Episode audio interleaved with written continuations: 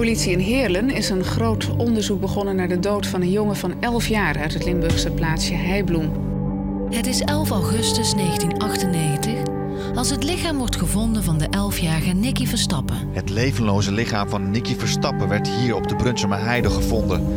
Zijn dood slaat in als een bom in Heibloem, in Limburg en in de rest van Nederland. Deze moord moet en zal worden opgelost. Al meer dan 20 jaar is het een raadsel wat er met Nicky is gebeurd nadat hij was verdwenen tijdens een jeugdkamp. Op zoek naar antwoorden wordt in 2018 in Nederland het grootste DNA-onderzoek ooit gehouden. Dit grootscheepse DNA-verwantschapsonderzoek is onze allerlaatste strohalm. De, de laatste kans om een antwoord te krijgen. Wie heeft dit gedaan? Krijgen de nabestaanden, die al jaren zweven tussen hoop en desillusie, eindelijk antwoorden? Er is een één op één match tussen de verdachte sporen op de kleding van Nicky Verstappen en het DNA van een 55-jarige man.